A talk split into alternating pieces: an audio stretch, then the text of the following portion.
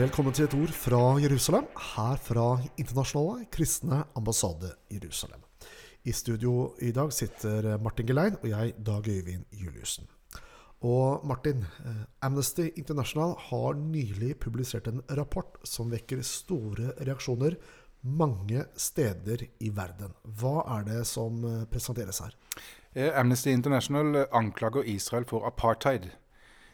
De krever at israelske statsledere skal føres for internasjonale domstoler og dømmes for krigsforbrytelser og forbrytelser mot menneskeheten. Og så krever de òg at de palestinske flyktningene skal ha rett til retur. Ja, Men altså, apartheid, det kjenner vi jo fra Sør-Afrika. Hvor det var segregering av befolkningen. Eh, andre lover og regler for den fargede befolkningen sammenlignet med de hvite. Mens i Israel så er jo ikke det tilfellet. Jeg har vært i landet mange ganger, og jeg har gode venner som er arabere eller palestinere. Det er jo ikke sånn i Israel i dag. Nei, hvis det her var en liten gruppe eh, som fremmer sånne påstander, det kjenner vi jo godt fra før, men dette er verdens største eh, eh menneskerettighetsorganisasjonsgruppe. Eh, USA, myndighetene, går ut og sier at anklagene er absurd. Israelske myndigheter er tydelige på at de definerer det som antisemittisme. Og veldig mange arabiske israelere, både kristne og muslimer, eh, er sterkt kritiske til Amnesty-rapporten. Eh, for det er ikke apartheid i Israel. Det bor to millioner arabere i Israel, nesten 20% av landets befolkning. Og det er tre antisionistiske muslimske arabiske partier i Knesset. Og det er høyrettsdommere i, i, Israel som er arabiske, og som har dømt israelsk, eh, en israelsk president og en statsminister til fengsel. Så inne i Israel så finnes det ikke noe apartheid. Nei, for at disse to millionene som du snakker om her, Martin, det er de som er statsborgere i landet. Det stemmer. Og, og, da er det jo som du sier her, at på universitetene så møter man eh, arabere, eller palestinere, som professorer og som eh, studenter. Man møter dem som leger og overleger, og som pasienter på sykehusene. Ja, ja. Eh, så, så, denne presentasjonen, at de eh, undertrykkes, slik som vi kjenner det fra Sør-Afrika, eh, det er jo Det er vanskelig å finne noe annet, annet uttrykk enn at dette er ondsinnet, rett og slett løgn. Eh, og, og, jeg bare lyst til å legge til at eh, statsborgerne i Israel, de arabiske statsborgerne i Israel, enten de er kristne eller muslimer, de har samme rettigheter som jødene i landet. Bortsett fra at de slipper å avtjene Eller de er ikke avkrevd militærtjeneste. Ja, det har du helt rett i. Så det er helt urimelig anklage. Det som eh, det kan være snakk om, det er at det kan være apartheid i forhold til palestinske selvstyremyndighetene eh, sine områder. Altså de områdene hvor palestinerne selv ønsker å opprette en stat på, og Israel også oppfordrer til å opprette en stat. Men der, eh, der, er saken helt motsatt. For det er livsfarlig ja. og forbudt for jøder å bevege seg inn i de palestinske områdene. Det er lovfesta. Ja. Og det, vi har jo eksempler på at jøder har blitt slakta til og med på, for noen år siden på politistasjonen i Ramallah. Ja. For de har forvilla seg inn i disse områdene. Mens andre veien så er det flere hundre tusen palestinere hver dag som kommer inn i Israel for å arbeide, studere ved universitetene, besøke familie eller venner, eller tilbe på de religiøse eh, muslimske eh, hellige stedene. Så hvis det er apartheid, så er det altså for jøder som ikke får lov til å bevege seg blant palestinere i dette området, mens arabere og palestinere har tilgang til å bevege seg blant jødene. Og så er det noen som peker på disse eh, checkpointene. Eh, hvor, altså, hvor, man kroppsvisiterer eller, eller, sjekker at man ikke har med seg eksplosiver, våpen osv. Men det er jo et resultat av tusenvis av forsøk på å gjennomføre terrorangrep mot Israel. Ja, ja, og det er ikke bare knytta til de palestinske områdene at det er strenge sikkerhetstiltak. Hvis du reiser som turist til Israel, så bruker du lang tid på flyplassen for å komme deg ut, fordi det er strenge sikkerhetskontroller. Fordi det er godt kjent at det er mange som støtter terrorisme mot sivile jøder, både i og utenfor Israel. Så det her er helt nødvendige, tvingende nødvendige sikkerhetstiltak.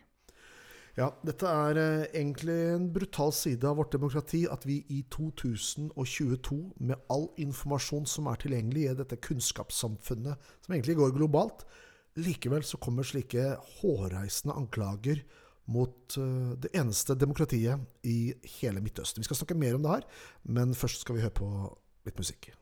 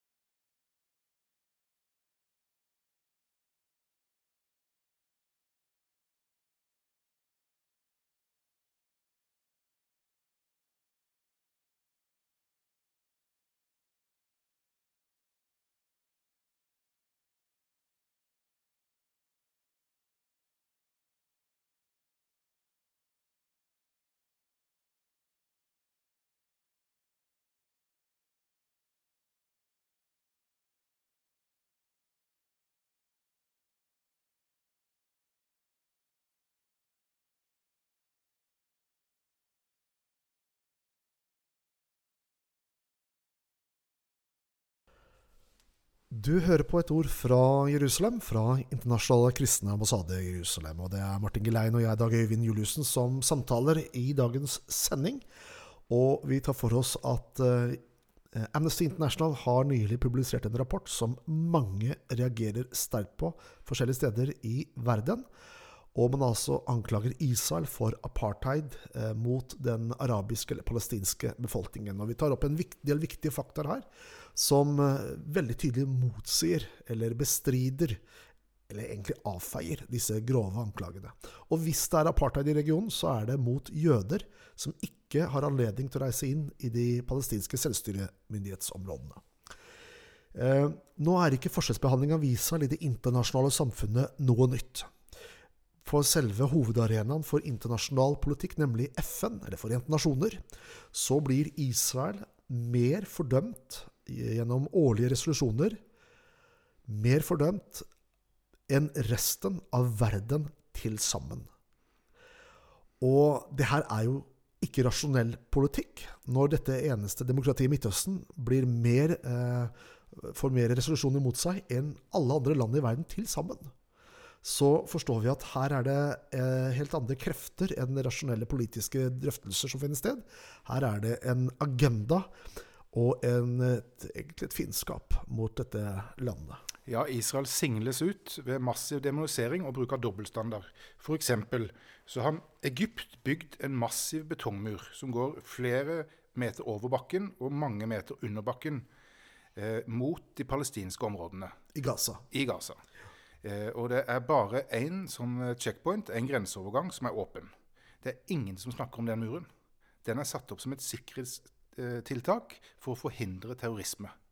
På samme måte har Israel satt en grensegjerde, delvis en mur, mot Vestbredden og innført blokade til Gazastripa. Av én en eneste årsak, tilsvarende det som Egypt har satt opp muren knytta til, ja.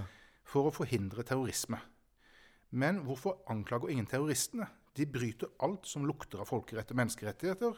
De forkaster demokrati og ytringsfriheten og praktiserer apartheid. Men Godt spørsmål. Israel som får gjennomgå. Ja, men det er det er altså ikke terrorister man anklager, det er Israel man anklager.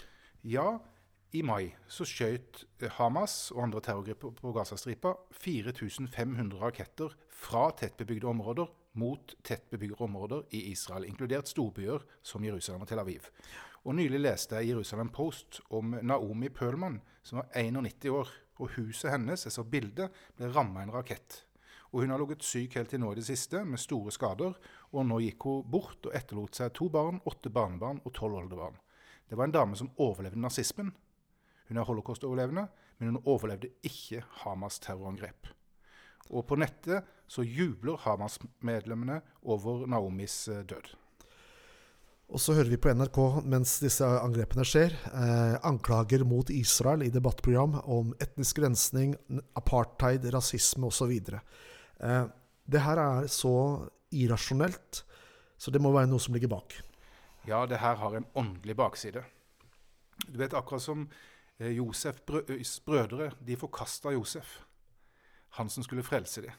Og jødene forkasta Jesus, han som virkelig skulle frelse dem. Og vi hedninger, vi samtykka til korsfestelsen av Jesus og, og, og, gjennomførte den. Og nå har evangeliet gått utover i 2000 år til nasjonene, men majoriteten av verdens befolkning forkaster Jesus. Eh, så det har en åndelig side. Det er et opprør mot Guds frelsesplan. Profetiene taler veldig tydelig om at Israel fremdeles er Guds land og Guds folk, og at Gud nå i våre dager fører folket hjem igjen og gjenoppretter Israel for at han en gang skal frelse dem. Og Det vil innebære at Jesus kommer tilbake og oppretter fred på jorda.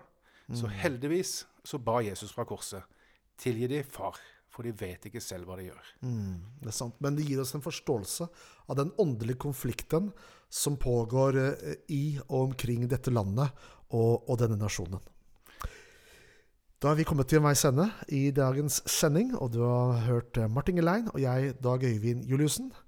Og det er programmet Et ord fra Jerusalem fra Internasjonale kristne ambassade i Jerusalem du har hørt på.